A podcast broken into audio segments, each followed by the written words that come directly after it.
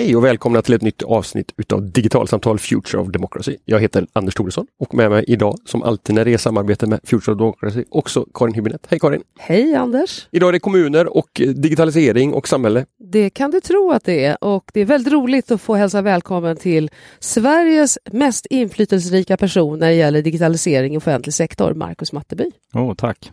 Det känns har du vant dig vid den här utmärkelsen? Nej, jag har inte det. Så jag blir, jaha, vem är det? Kan det vara jag? kan det vara du? Ja. Du är ju väldigt många olika saker, mm. eh, men du är digitaliseringsansvarig, eller direktör kanske titeln till och med är, i Sundsvalls mm. kommun. Mm.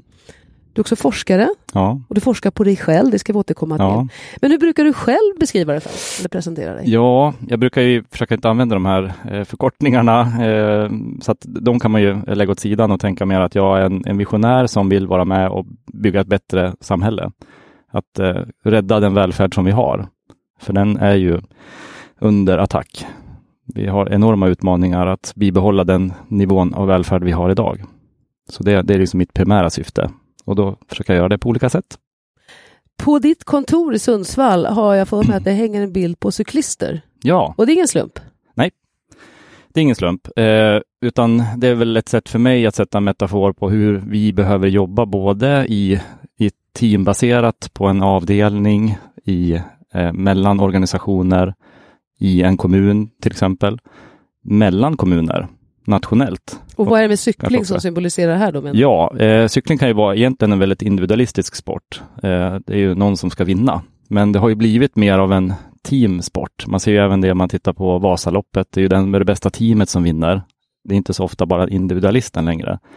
Och med det tänket eh, som jag tar med mig att jag har egen erfarenhet av att jag har lett team att cykla så snabbt som möjligt runt eh, Vättern till exempel.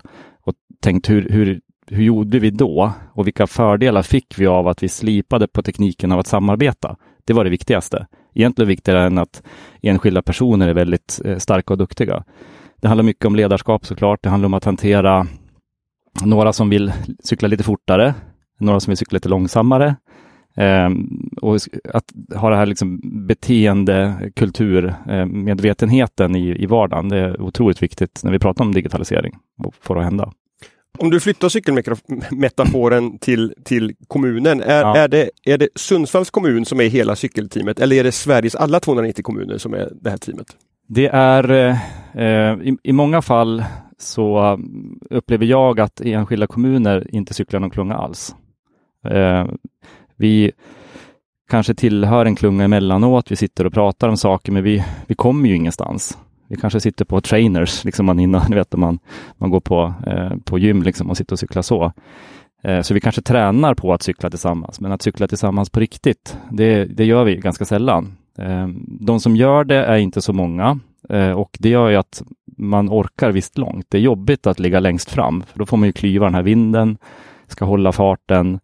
Så vi behöver bli fler som, som växlar och tar den här vinden för ett tag. Ja, men nu behöver vi borra i den här frågan kring eh, eh GDPR, då kan man göra det. Eller? Det låter ju väldigt logiskt att man ska vara fler som hjälps åt att ja. dra och mm. ibland kan få ligga lite i läder. Vad tror du det beror på att inte fler då hakar på så att den här klungan på riktigt blir större? Mm. Det är en jättebra fråga. Och om man tar liksom forskningsperspektivet så jag, vet, jag tror att den är lite obesvarad, men det är någonting speciellt i den svenska kulturen som jag inte ser när jag tittar på Danmark, Köpenhamn, hur man samarbetar eh, med kommuner där. Man på något vis har kommit överens om att vi är inte så olika egentligen. Samma sak i Finland, Estland känner vi väl till. Eh, men i Sverige så av någon anledning som jag inte riktigt kan sätta finger på så finns det ganska högt mått av prestige. Eh, vi, är, vi ska vara lite annorlunda för vi, vi ska attrahera invånare hit. Eh, och Det gör ju att det blir väldigt svårt att hitta gemensamhet då blir det kanske lite små cykelklungor där, men vi drar ju inte kraften av att vi alla skulle cykla tillsammans. Jag skulle vilja att vi flyttar från, från cykelmetaforen till att bli lite mer konkreta. Vad, vad är det som man skulle kunna, skulle kunna samarbeta kring? Som man inte gör? Eh, om jag ska ta det till sin extrem, så egentligen i den här inledningen så ska man, kan man säga att jag är eh, digitaliseringsansvarig även för Ånge kommun. Så att vi är inte 290 kommuner i den digitala världen längre, utan vi är 289. Det är att samarbeta på den absolut djupaste nivån. Och då har vi valt att kalla det för kollektiv digitalisering, som är steget efter att vi samarbetar. Vi kan samtala, vi kan samverka, eh, vi sitter och pratar om gemensamma mål i bästa fall och vi, vi, vi samarbetar, men när vi gör det kollektivt, då har vi en och samma lösning som vi båda använder. Istället för att man kanske sitter några stycken och kommer överens om ett system eller en lösning som vi har olika, var och en installationer av. Så att det kollektiva, det är det liksom yttersta. Men, men i andra delar av landet så vet jag att det finns till exempel eh, kommunägda gemensamma driftsbolag mellan ja. olika kommuner. Mm. Vad, vad skiljer det som Sundsvall och Ånge gör från, från den typen utav, utav upplägg och samarbeten? Ja, det är väl att ta ett, steg vidare. Det börjar ju med att eh, första steget att se till att vi har samma driftmiljö. Mm. Att vi, eh, I alla fall att vi har alla driftmaskiner i samma lokal. Eh, nästa steg är att se till att vi börjar använda samma applikationer. Och steget efter är det att vi börjar att använda samma digitala infrastruktur som vi i Sundsvall utvecklar. Eh, andra utvecklar också, men att vi börjar mer att slå samman våra verksamhetsprocesser. För det är väl det som skiljer att eh, det är jättegod idé att samverka kring IT ur säkerhetssynpunkter och ekonomiska aspekter, men det är ju först när vi kan jobba i, i samma verksamhetsprocesser och säga att en skola är densamma oavsett om den ligger i Ånges kommun eller Sundsvalls kommun. Vi kan dela på resurser på ett helt annorlunda sätt vi kan, eh, vi kan effektivisera det sättet att jobba när vi har gemensamma processer. Ska man säga då att det här de facto är en digital kommunsammanslagning? Ja, det är precis så det är. Får man göra det? Ja. Så det här är bara upp till kommunernas eh, engagemang egentligen och, och samarbetsförmåga, så här, men vi slår ihop våra kommuner? Ja, Eh, tills motsatsen bevisat får man väl säga då. Eh, eh, det som gör att jag känner mig lite trygg att kunna säga det, det är ju att regeringen har valt med sin försöksverksamhetskommitté som är utsedd av Finansdepartementet att, att följa, de följer nu tre stycken innovativa projekt där Sundsvall-Ånge eh, kommunsammanslagning digitalt då är ett av dem. Vi får ju tillgång till duktiga jurister eh, men det handlar också om att vi är en verksamhet som försöker i det praktiska. Vi har inte bara teoretiskt tagit fram en förstudie, utan man följer ju oss i, i görandet. Eh, så att vi börjar ju se hindren under vägens gång. Eh, men rent juridiskt så finns det mycket mer möjligheter att avtalssamverka än vad många tror. Hinder är ju alltid spännande att prata om och jag skulle börja med, med möjligheterna ja. först. Är det här någonting som resulterar i effektivisering och besparingar som ofta pratas om? Eller ser ni också en kvalitetshöjning, bättre medborgarservice potentiellt genom att jobba på det sättet? Ja, egentligen mestadels det senare. Mm. Eh, och som, som primärt när vi nu har utfört ett antal intervjuer, i och med att det är precis där vi forskar på, några stycken, det är ju att det, det handlar om ideologiska värden. Det handlar inte om monetära, det handlar inte om just effektivisering, utan det, det är ganska vackert om man beskriver vad är välfärdssamhället? Jo, men det är att vi vill ha en jämlik välfärd i Ånge och Sundsvall. Det ska inte skilja om jag bor där eller här. Eh, och det, är, eh, det var lite förvånande faktiskt. Eh, och då ser vi att behovet av formalisering reduceras. Om vi tror, vi har samma vision, vi tror på det här, då behöver vi inte formalisera viteskrav, vad händer om inte ni har uppfyller de här servicenivåerna? Eh, hur kan vi, vad är exit, vad är B-planen? Nej, det behövs ingen. Så det här bygger ganska mycket på förtroende? Väldigt mycket på förtroende. Det är tillit är det absolut viktigaste. Betyder det också att det är lite personberoende? Att det är rätt människor med från olika ja. kommuner? Ja, det gör det. Ehm, och för, för, mig var det överraskande eh, att, att få läsa de intervjuer och eh, också eh, i den eh, artikel som vi nu har skrivit eh, verkligen beskriva behovet av institutionella entreprenörer. Eh, så Ånges kommunchef Mattias Robertsson Bly är den tydligaste institutionella entreprenören och det beror väldigt mycket på honom att det här skedde. Det beror väldigt mycket på honom att det här eh, också fortgår. Vi behöver ju hantera eh, att det måste bli fler som kan bära det budskapet så att det inte blir sårbart med att det är en enskild person. Det innebär att jag också är en sån person som jag eh, har fått försöka hantera, för det var, det var överraskande för mig själv, för jag tänkte att jag kan väl ändå forska på det här utan att jag själv är med och påverkar resultatet. Men det hänger väldigt väl ihop, så det blir ett etiskt dilemma. Men ja, för det här att du forskar på det du själv gör, ja. det, det låter lite ovanligt. Det är ovanligt. Det finns eh, fler som har gjort och man kallar det för att man blir ett, eh, ett, ett forskningssubjekt. Eh, beskriver man det väl och medveten om vad det innebär så är det okej. Okay. Eh, men det är ju utmaningar som ja, jag väljer att se det som att det finns fördelar. Eh, men jag tänker också att varför gör jag det egentligen? Ja, men jag vill kunna beskriva receptet, inte bara ur en teknisk specifikation att ja, men flyttar ni maskinerna hit? Utan hur, vad handlar det här om i ledarskap? Vad handlar det om i att tänka på institutioner som behöver förändras, som behöver tas med? Eh, vilka dynamiker behöver vi eh, ta hand om så att nästa kommun törs göra samma sak med någon annan? Om vi stannar lite grann då kring ledarskap, mm. eftersom mm. du själv också beskrev att det handlar, det är beroende på att liksom rätt personer sitter på ja. rätt stolar. Hur skulle du beskriva det ledarskapet som är nödvändigt? visionärt, modigt, eh, eh, medarbetardrivet. Att tillåta att medarbetare är med och skapar. Eh, att det inte är ett strikt hierarkiskt ledarskap. Eh, mycket det som jag tror vi brukar tala om när vi vill ha ett innovativt ledarskap, eller man pratar om det digitala ledarskapet. Eh, att, att stå för vad vi ska någonstans. Vi ska gå väldigt, vi ska gå väldigt långt, om man släpper cykling. för den, Mattias brukar ta den, gå väldigt långt. Sen om vi, om vi tar precis den vägen vi hade tänkt oss, eller att vi kanske måste åka buss en bit, eh, det gör inget. Men vi ska dit bort. Eh, och kanske stanna där, att inte ha alla lösningar. Men att också våga eh, stå för de utmaningar som man ställs inför och kunna fatta tydliga beslut. För det har varit några sådana vägar, eh, beslutspunkter under vägen där det är viktigt att, att också kunna ta det ansvaret. Vad har varit svårast tycker du under den här resan? det svåraste har nog varit eh, att försöka eh, minska behovet av formalisering. Eh, för det är ju lätt att som jurist så vill man ha hängslen och svångrem och när man pratar om ingående avtal kopplat till de eh, system som vi har, applikationer som vi har, att också försöka övertyga om att nej, men vi, vi, vi kan göra på ett annat sätt. Eh, det finns ett undantag i lagen om offentlig upphandling som heter Hamburgundantaget som vi använder väldigt mycket. Vad betyder den? Ja, det betyder egentligen att om du har ett, ett gemensamt mål som är väldigt tydligt, ett gemensamt syfte eh, och du har ett eh, verksamhetskritiskt uppdrag eller samhällskritiskt uppdrag, eh, då kan du samverka med, under vissa premisser. Eh, du kan egentligen med det avtal du har låta någon annan använda det du eh, erbjuder. Till, det är ju ingen, ingen eh, ingen marginal kopplat till det, men du kan samverka avtalsmässigt på ett sätt som jag tror många inte har prövat än. Du, när Karin frågade dig om, om att beskriva dig själv så, mm. så, så beskriver du dig som, om jag skrev ner rätt här, som en visionär som vill bygga ett bättre samhälle och rädda välfärden. Ja.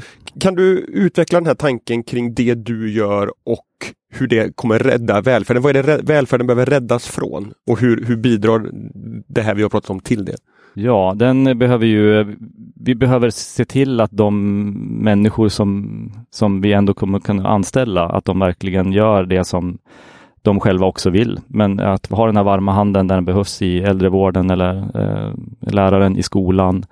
Att inte fastna bakom en dator och administrera system. Eh, att vi verkligen är noga med de arbetsuppgifter som vi skulle kunna automatisera eller skulle kunna bygga digitala lösningar för att det verkligen görs. Att vi också ser till att det kommunala uppdraget eh, transformeras i grunden där vi, inte en kommun eller en offentlig aktör bestämmer exakt hur en invånare och företagare ska konsumera tjänster, utan genom att tillgängliggöra data, öppna gränssnitt med öppna API-er, göra det möjligt för andra att bygga de här eh, eh, lösningarna som vi sedan använder. Det finns ju några sådana exempel som har tornat upp sig idag och då har vi då en, en, en chans kopplat till den kompetensutmaning vi ser med den demografiska utvecklingen att faktiskt ha råd att ha kvar våra eh, fritidsgårdar, att ha kvar den nivå av service som vi har idag och kanske också öka den. Det finns ju en enorm potential i AI till exempel som eh, för, för jag. Jag, jag satt i ett samtal med en socialchef från ett mm. kommunalförbund som representerar ett antal kommuner. Um, och de skulle behöva anställa under perioden fram till 2032, 3500 personer i hemtjänsten och hemsjukvården. Mm. Och de letar efter digitala lösningar, inte för att kunna göra sig av med den personalen som finns idag, Nej. utan för att kunna se till att så mycket arbetsuppgifter som möjligt inte behöver göras. Jobba mm. bort vårdbehov, ja. undvika fallolyckor i hemmet med hjälp av digital teknik. Ja. Är, det, är det den typen av utav åtgärder som du pratar om här också? Ja. Ja, det är precis det och åtgärder som inte vi riktigt vet om idag. Eh, vi ser att eh, tekniken kring AI utvecklar, utvecklas i en, eh, en hiskelig fart. Det som behövs för att kunna skapa de här innovativa lösningarna, det är ju tillgången till data. Det är en infrastruktur med, som jag sa, API, en API-driven arkitektur så att du kommer åt det här data, kan koppla ihop olika system. Så egentligen den här rälsen för att kunna köra de här AI-tågen på, den behövs. Och vi behöver börja bygga den nu, för det kommer ta tid. Det är den tekniska skulden som många sitter med. Det, det berget är mycket högre än vad, eh, än vad många tror. Data är en slags grundförutsättning för artificiell intelligens, för det, ja. det är datan som analyseras med hjälp av AI. Mm. Men, men hjälp lyssnarna, vad är ett API och varför är det en viktig del i detta? Ja, eh, Eh, eh, bra fråga. Jag försökte undvika sådana här förkortningar, men den är svår. Eh, men egentligen är det ju ett tittfönster in i en process. Eh, du som invånare eller som företagare kan få ett litet tittfönster rakt in i en process i den organisationens verksamhetssystem. Så att du kan, du kan få någonting gjort. Eh, det är ett, ett, ett eh, API. Eh, och utan ett API så är tillgänglig, alltså eh, öppen data inte så meningsfull. Du, hur ska du komma åt datat? Ska du gå ladda, ladda ner det i en Excel-fil? Du vill ju kunna koppla ihop ett system direkt till den här processen i någon annans organisation via det här tittfönstret. Um. Och det här har ju varit centralt vad man förstår i Sundsvall att jobba just med öppenhet. Ja. Hur är det, står Sveriges kommuner på kö och knackar på och vill liksom ladda ner de här api och kika in i era tittfönster? Nej, tyvärr gör de inte det.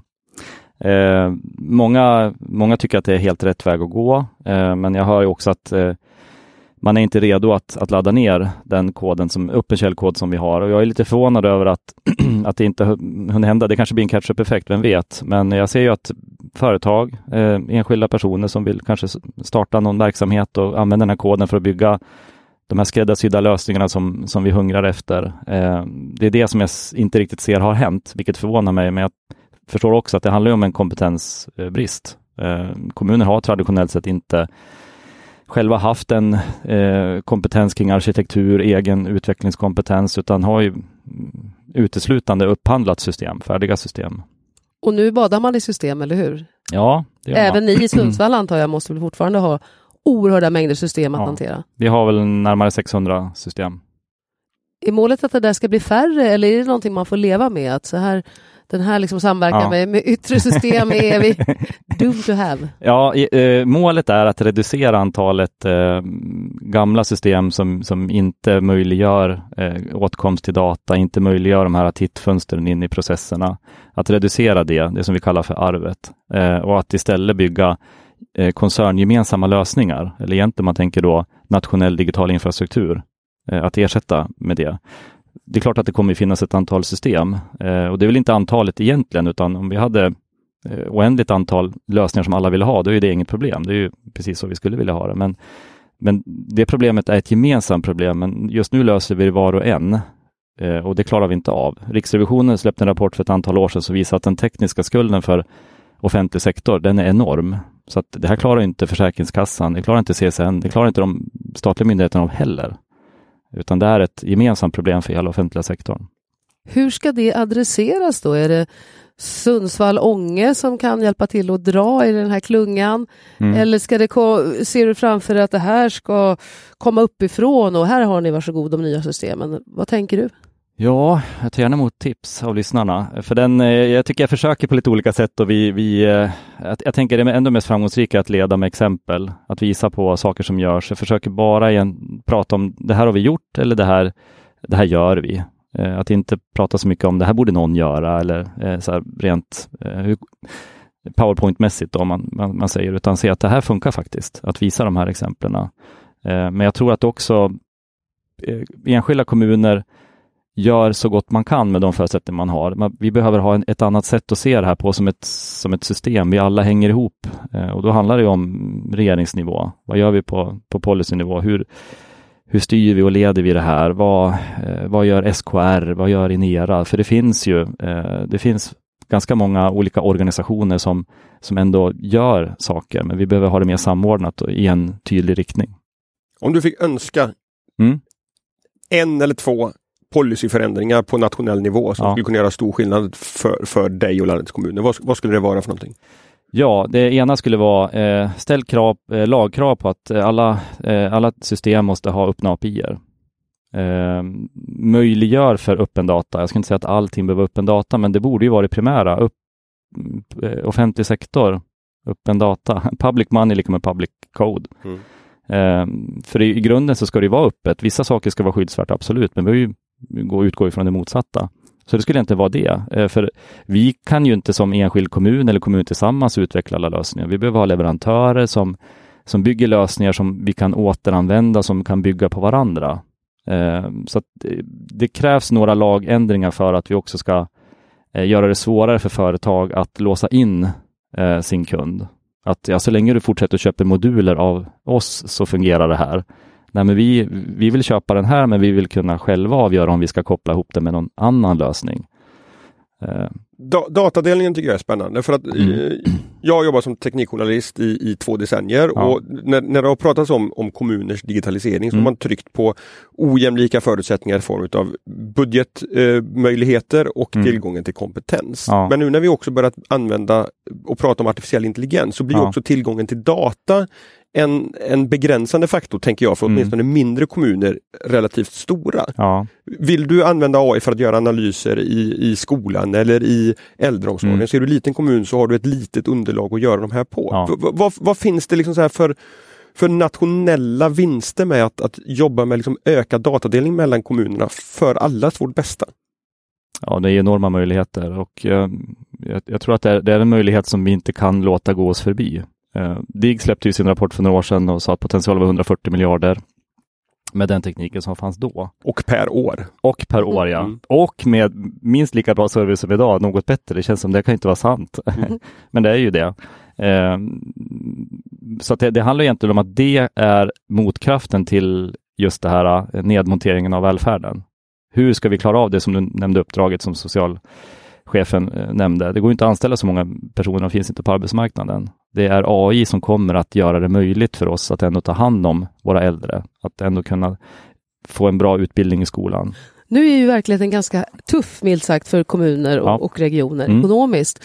Hur ska man orka hålla kraft i den här förändringen och innovationen när det måste sparas här och nu? Mm. Vad är liksom reptricket? Ja, reptricket är den kollektiva digitaliseringen. Jag ser inget annat eh, sätt att få en, en jämlik välfärd. De här lite större kommunerna de kommer ju klara sig längre, men små kommuner är idag redan på snöret.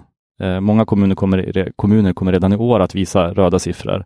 Vi får ökade kostnader bland annat kopplat till nya pensionsavsättningar. Eh, så det handlar om att ja, släpp idén om att du kommer lösa det själv. Mm. Släpp idén på att det kommer komma lösning från ovan. Det kommer inte komma från regeringshåll eh, någonsin, tror jag. Utan det här, här måste vi gå samman som kommuner och där har vi ju inga hinder. Det handlar bara om att släppa idén om att vi är så speciella. Vi är, vi är väldigt lika, vi har samma myndighetsuppdrag. Varför inte bara gå tillsammans och säga att vi är ju ändå några stycken nu. Vad har vi, du för budget, vad har du för budget? Tillsammans blir vi väl ändå ganska mycket. Jag torde säga det till, till SKRs eh, politiska ordförande att eh, ja, jag, jag, jag, varje gång jag träffar Finansdepartementet, kommunen behöver mer pe pengar till digitalisering. Då sa jag, jag tror inte det. Jag tror att de pengarna vi har skulle kunna användas på ett så smart sätt att de skulle räcka till. Jag, jag får en fundering här och nu, nu Disclaimer är att jag kan inte kommunallagen. Mm. Men eh, ganska ofta så skylls ju mycket av det här på det kommunala självstyret. Ja. Men det slår mig nu, alltså det låter ju här som att det kommunala självstyret är också, ligger också till grund kanske för det som ni har gjort här. Att det finns ändå möjligheter att inom ramen för mm. det kommunala självstyret bestämma att men vi gör så här, vi samarbetar faktiskt ja, istället. Exakt. Så att, se det som en möjlighet istället som ni inledde i början. Uh, nu vet jag att vår civilminister nyligen gick ut och sa att det vore en ganska god idé om kommunerna gick samman. Och en kommunalutredning, kommunutredning som presenterades för några år sedan visade också på det. Och då vill man ju locka med att du blir av med dina skulder. Men ingen kommun nappade på att, att göra det. Jag tror inte någon kommer göra det heller. I den analoga världen, men i, i digitala världen är det ju en jättebra idé. Du kan fortfarande ha kvar ditt, din fysiska närvaro och det här specifika eh, mötet du behöver ha med invånare och företagare på den platsen där du är. Men i den digitala världen så skulle vi kunna samarbeta alla kommuner. Är det någon poäng under det? För att ni är ju en betydligt större, Sundsvall är en betydligt större kommun än Ånge. Ja. Finns det någon fördel just i de här olika storlekarna? Ja. Det är precis det. Vi, vi ser, eh, och det ser vi tydligt i forskning, men vi ser i praktiken också, att vi har kompletterande styrkor.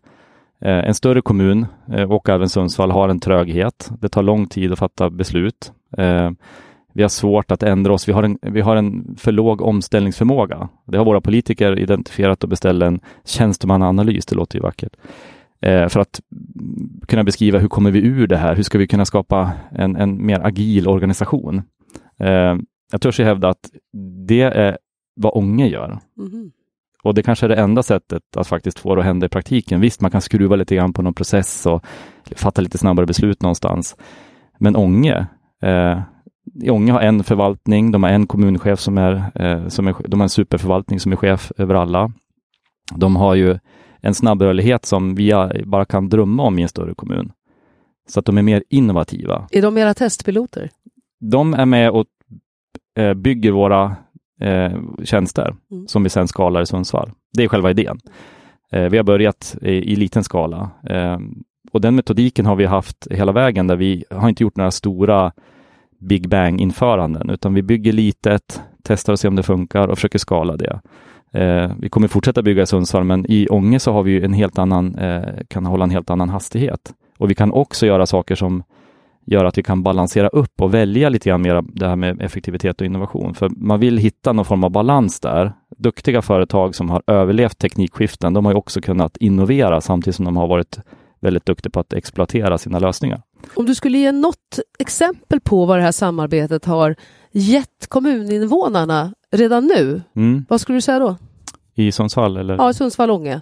Ja, Ånge så tror jag att man, eh, vi är väl inne på Eh, snart passerat ett år rent praktiskt. Så där kanske man inte har sett eh, eh riktigt effekten av det än. Men i, i Sundsvall så eh, tror jag man upplever att vi har en, en, en Eh, eh en väldigt invånarcentrerat eh, sätt på att se på hur vi använder digitaliseringsmöjligheter. Vi har en, en väldigt robust och, och trygg IT-drift. Vi är duktiga på IT-drift.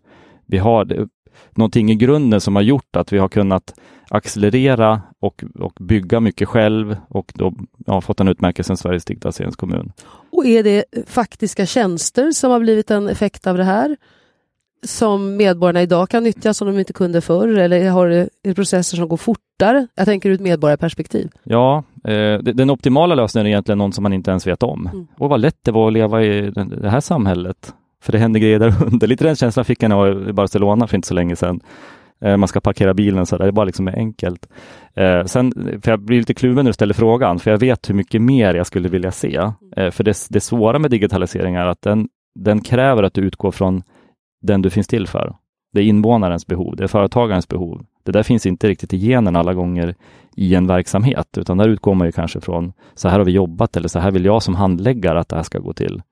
Eh, men vi börjar bygga upp ett, ett kontaktcenter där eh, vi har ett helt annat sätt på att se att du har en väg in i organisationen. Du ska få svar på din fråga snabbt. Du ska i bästa fall kunna hitta svaret själv. Så man bygger en väldigt eh, eh kundcentrerad organisation. Vi har ett företagscenter som ska utgå från företagarens behov. Eh, så att vi har lagt en grund för egentligen horisontella processer. Vi har väldigt höga torn i våra organisationer. Man pratar om stuprör. Vi vill fälla ner dem och skapa horisontella processer som är gemensamma genom hela organisationen. För det, du vill inte som företagare bli överkopplad. Nu måste du prata med miljökontoret. Nu måste du prata med... Men jag har ingen koll på er organisation. Jag bryr mig inte. Hjälp mig.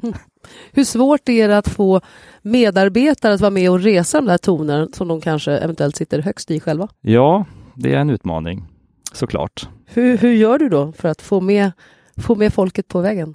Um, jag kan ta ett, ett exempel. För eh, två dagar sedan så hade vi en fantastisk dag med hela vård och omsorg, eh, socialtjänst eh, med omsorg i Sundsvall. 110 stycken chefer träffades en dag för att just prata om det. Vi eh, hade olika stationer där man gick runt och fick eh, då som, som chef beskriva, eh, vara med i dialogen och se möjligheterna.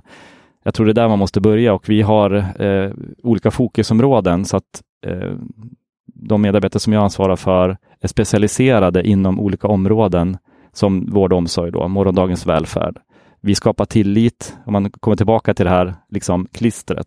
Det går inte bara att över, från en dag till en annan börja göra innovativa tjänster eh, som ställer utmaningar på, eh, på mod, för det finns ju alltid risk. Eh, det här det är ett långsiktigt arbete och ungefär under fyra år så har vi successivt gjort saker som skapar ytterligare förtroende. Eh, vi har eh, bevisat att vi finns till för att verksamheterna ska lyckas med sina uppdrag, för att invånaren och den brukare, behovsägaren, ska få det de behöver.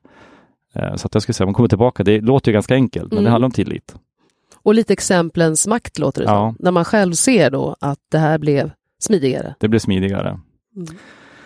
Så min, min fråga till, till eh, alla chefer jag fick träffa nu, det är ju hjältar allihopa, fantastiska människor. Eh, idag, för då får jag höra apropå, vad är det som hindrar den här välfärden? Vad är det som, vad är det som gör att vi inte arbetar på det sätt vi skulle vilja och finnas till för den, den här eh, personen med behov? Ja, det är det är system som är byggda för länge sedan, eh, som gör att man kanske måste ha papper och penna i vissa fall. Systemen pratar inte med varandra, man måste ha personer anställda för att hjälpa till med den administrationen. Det är helt horribelt egentligen. Eh, och sen komma tillbaka till den informationen, ja det, det är väldigt svårt och krångligt. Eh, så då frågar jag, ja men den tiden ni lägger på det, den tiden ni lägger på att kravställa upphandlingen av ett system där ni vet att ni kanske kan välja mellan pest eller kolera, skulle ni hellre vilja den, lägga den tiden på att vara med i aktivt utvecklingen? Och jag tänkte så här, det, det är ju inte givet. Alla, alla bara, ja, får vi det? Är det på riktigt, ställer du den frågan?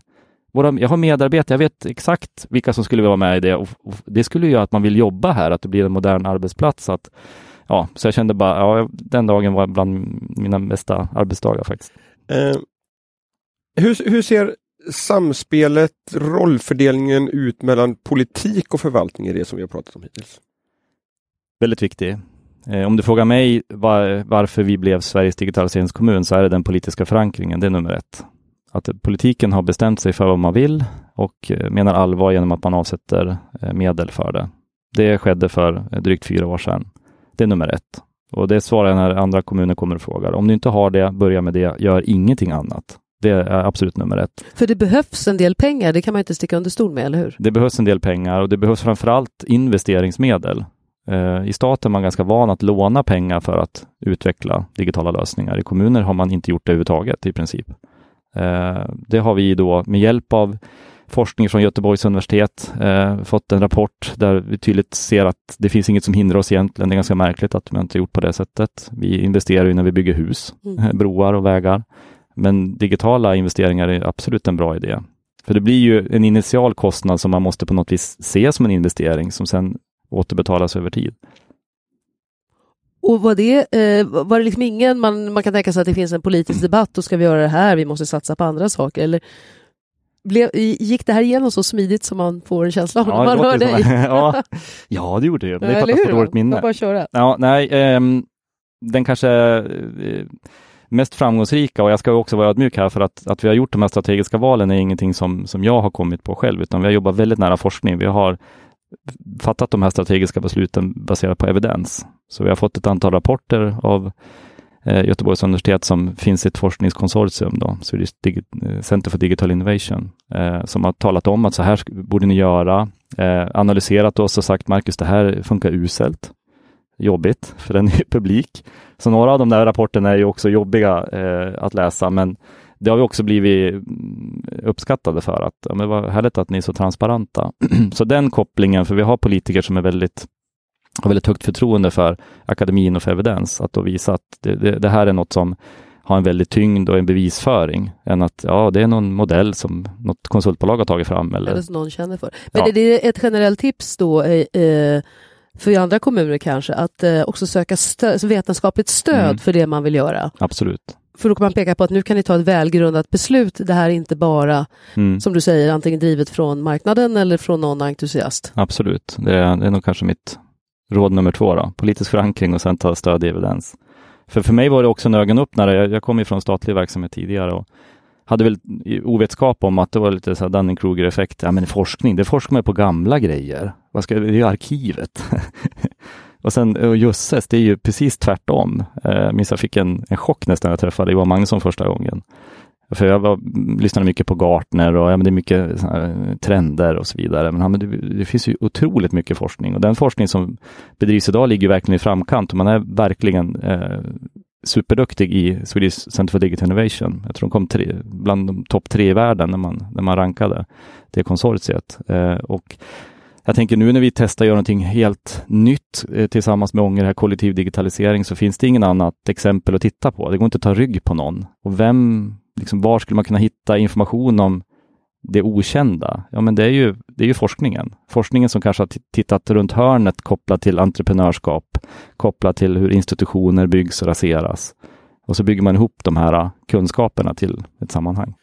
Jag tänker att det, det som ni Ånge gör nu, mm. det, det, liksom, det, skulle kunna vara början på någonting. Ja.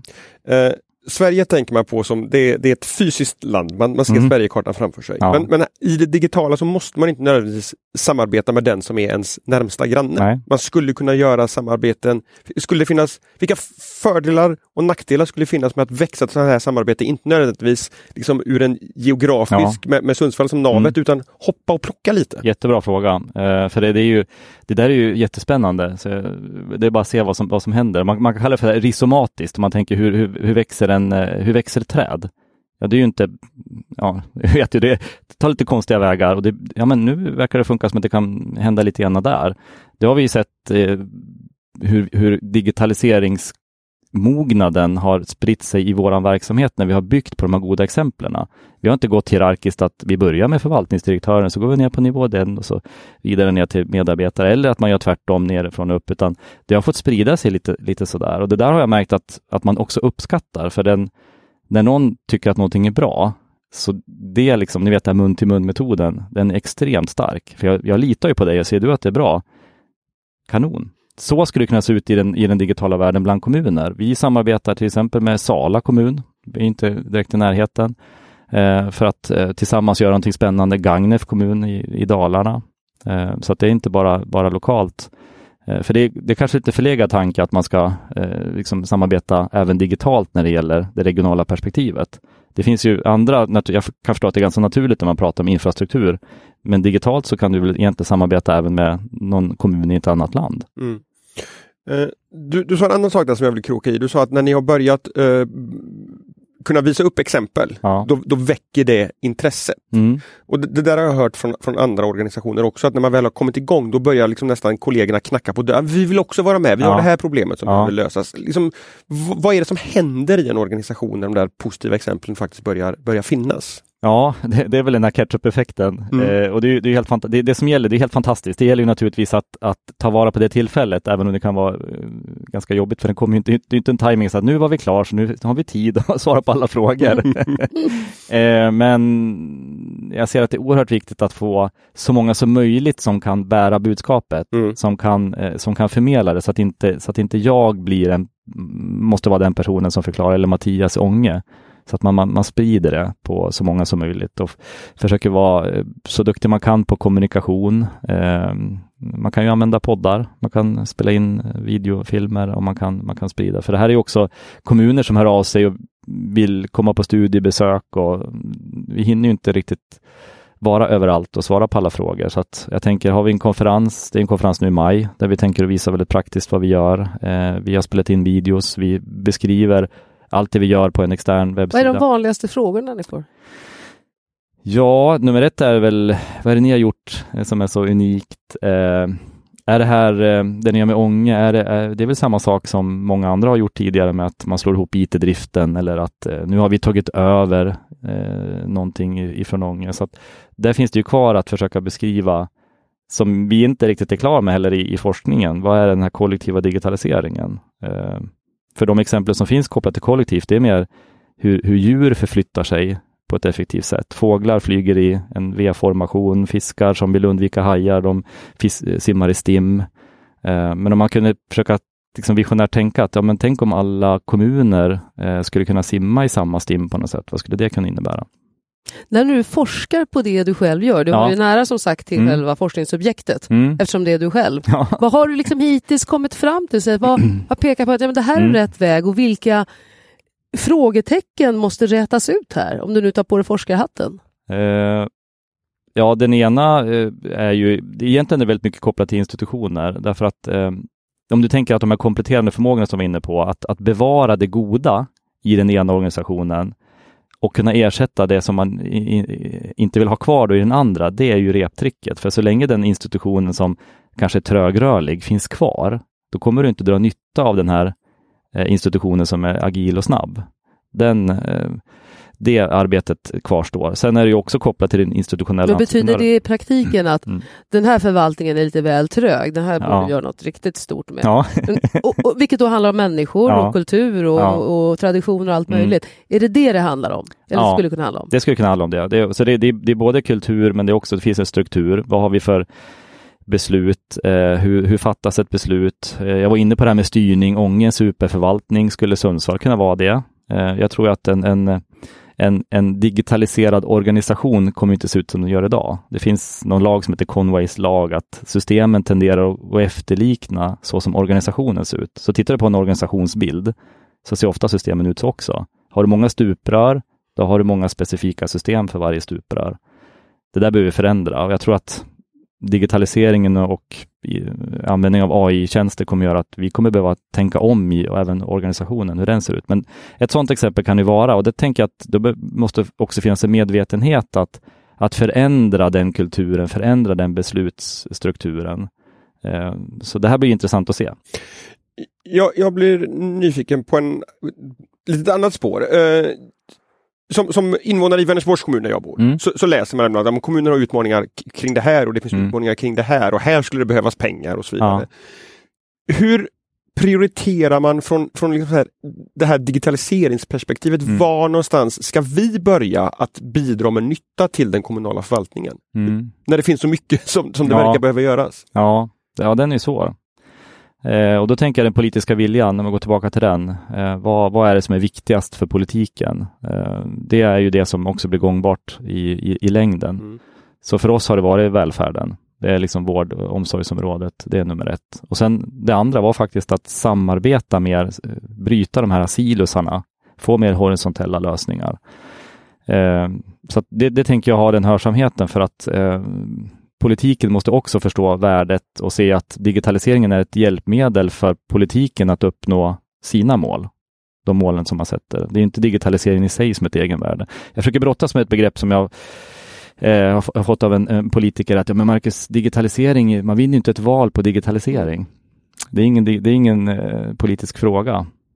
Jo, det kommer att bli det och det är kanske det. Uh, ur egentligen perspektivet att om inte vi tar vara på möjligheterna så kommer det bli en för stor skillnad mellan vad jag som invånare och företag vet att jag har rätt till i, i service, men inte får. Därför att den här kommunen inte har hängt med. Jag tror att det kommer vara på samma sätt som det kan vara svårt att åka till någon semesterort med barnen och, och så säga det finns ingen wifi.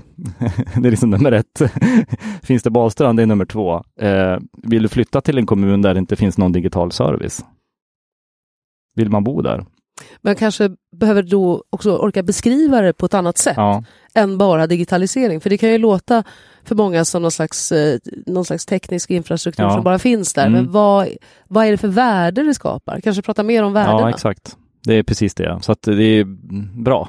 Det är, det är, man tänker, är det lätt att leva här? Kan, kommer jag kunna få eh, svar? Eh, kommer jag kunna, kommer, om jag vill starta ett företag, hur, hur jobbigt är det? Jag skulle vilja bygga ett hus. Kan jag söka bygglov? Hur ser den processen ut? Eh, det handlar egentligen om att göra livet lätt att leva och få den välfärd eller den, den service som, som vi vill ha. För att börja runda av mm. och kroka tillbaka till cykelmetaforen. Ja. Var, var någonstans får man träningsverk utav att jobba med den här typen av saker? Man får träningsverk av att ligga först. det, det är tydligt. Men eh, jag, jag, tänker att det, det, det, är värt jobbet och eh, eh, ju fler vi blir desto, desto snabbare kan vi cykla. men jag tror samtidigt att vill vi komma någonstans så är vi ju behöver ju få träningsverk emellanåt. Det är ju tyvärr så. ja. ja. Marcus, stort mm. tack för att du var med i Digitalt samtal Future Democracy. Tack. tack.